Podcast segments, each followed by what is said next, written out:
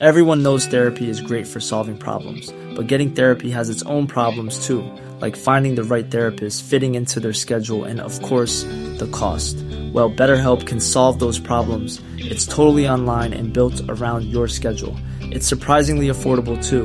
Connect with a credentialed therapist by phone, video, or online chat, all from the comfort of your home. Visit betterhelp.com to learn more and save 10% on your first month. That's BetterHelp, H E L P. Burrow's furniture is built for the way you live.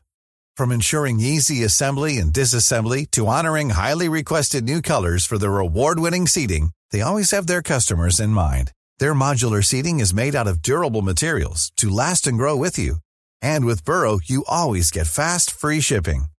Get up to 60% off during Burrow's Memorial Day sale at burrow.com slash ACAST. That's burrow.com slash ACAST. burrow.com slash ACAST.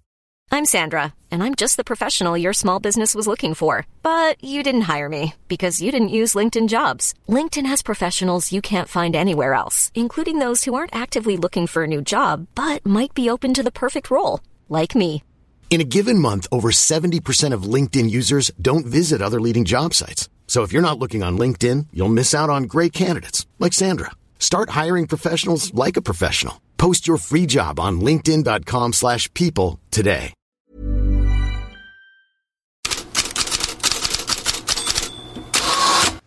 God morgon, det här kan vara årets tröttaste målkommentering hämtad från Rayo Vallecano mot Atletico de Madrid igår kväll. on a hat trick. He's got Lino to his left. He tried to find him. This will run instead to Llorente. It's 7 0. Well, this is embarrassing now. Men kommentatorerna är förlåtna. Det där var alltså det avslutande målet i Atleticos 7-0-seger. Och det hände så oerhört mycket mer vid sidan av planen i Spanien och nästan allt det kretsar kring Luis Rubiales-affären den kring den spanska förbundspresidenten. Igår kom först rapporten att Rubiales mamma börjat hungerstrejka i kyrkan i protest mot behandlingen av sin son. Demonstrationer mot och för Rubiales avlöste varandra. Men Rubiales tid tycks nu räknad, för under dagen igår kom också först uppgifter om att den spanska riksåklagaren har inlett en utredning om sexuella övergrepp, sen att förbundet ändrat sig och nu vill att Rubiales avgår. Och engelska Daily Mail uppger idag att Fifa vill att Rubiales portas från all fotboll i 15 år. Och Madrid-tidningen AS uppgav i natt att förbundet också planerar att sparka Rubiales lierade, den kontroversielle förbundskaptenen Jorge Vilda. Det ska ske inom kort. Det är en närmast svårgreppbar utveckling alltihopa efter att Spanien vunnit VM-guld. Och innan vi lämnar Spanien bör nämnas att Marca och Ass båda skriver att Vinicius Junior blir borta minst sex veckor på grund av den lårskada han ådrog sig i helgen. Tillbaka till fotbollen på planen. I Italien får i alla fall Simon Inzaghis mannar första sidan på Gazzetta dello Sport. Inter är med. Marco med sig bollen, spelar in den till Lautaro Martinez som väntar in och placerar in 2-0 till Inter.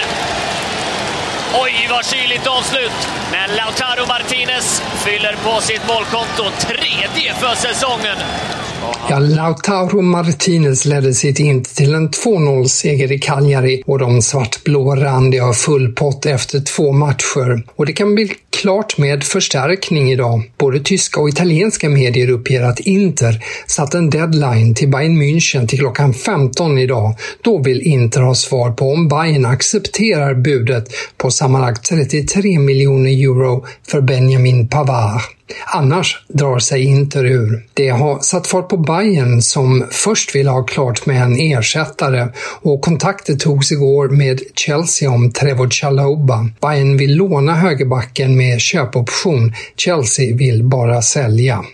En annan i stort sett klar övergång färgar annars många italienska sportätter idag. Romas ägare och flygfantast Dan Friedkin sitter själv bakom spakarna på det flygplan som idag landar på Campino-flygplatsen utanför Rom klockan 17 till som Corriere dello Sport skriver, ett hav av kärlek närmast filmiskt och det är ju så Friedken, det är ju sånt som Friedken också sysslar med. I lasten finns nämligen Romelu Lukaku som alltså väntas tas emot med kärlek av Roma-fansen. Annat hade det varit om anfallare satt sin fot i Milano eller Turin igen. Roma betalar någonstans mellan 5 och 9 miljoner euro för att låna Lukaku från Chelsea ett år, beroende på vilka tidningar man läser. Och både Daily Telegraph och Corriere dello Sport skriver att det i avtalet finns en köpoption på 43 miljoner euro. Den är dock inte bindande.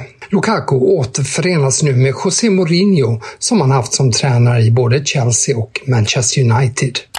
Men ska vi tala drama så toppar Daily Mail sporten idag med rubriken “Gäng hotade skjuta Newcastle-stjärna”. Lagkaptenen Jamal Lassell ska under en utekväll med vänner för en vecka sedan ha blivit attackerad av 68 män utanför en nattklubb. Männen ska då även ha hotat att skjuta 29-åringen och hans bror. Enligt The Times skadades Jamal Lassell ett öra och en annan i hans grupp slogs medvetslös. Polisutredning pågår.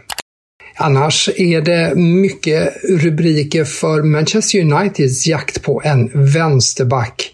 Daily Mail skriver att Rico Henry i Brentford är av intresse. Och Sky Sport Italia uppger att United gjort en förfrågan hos Roma för Leonardo Spinazzola. Tidigare har Mark Cucurella Sergio eh, Region och Marcos Alonso nämnts och enligt Marca har United erbjudit Marcos Alonso ett tvåårskontrakt det första året på lån och Barca lämnar beslutet till spelaren. Och enligt Daily Telegraph är förresten Manchester United också intresserad av Tottenhams mittfältare Pierre-Emil Höjbjerg.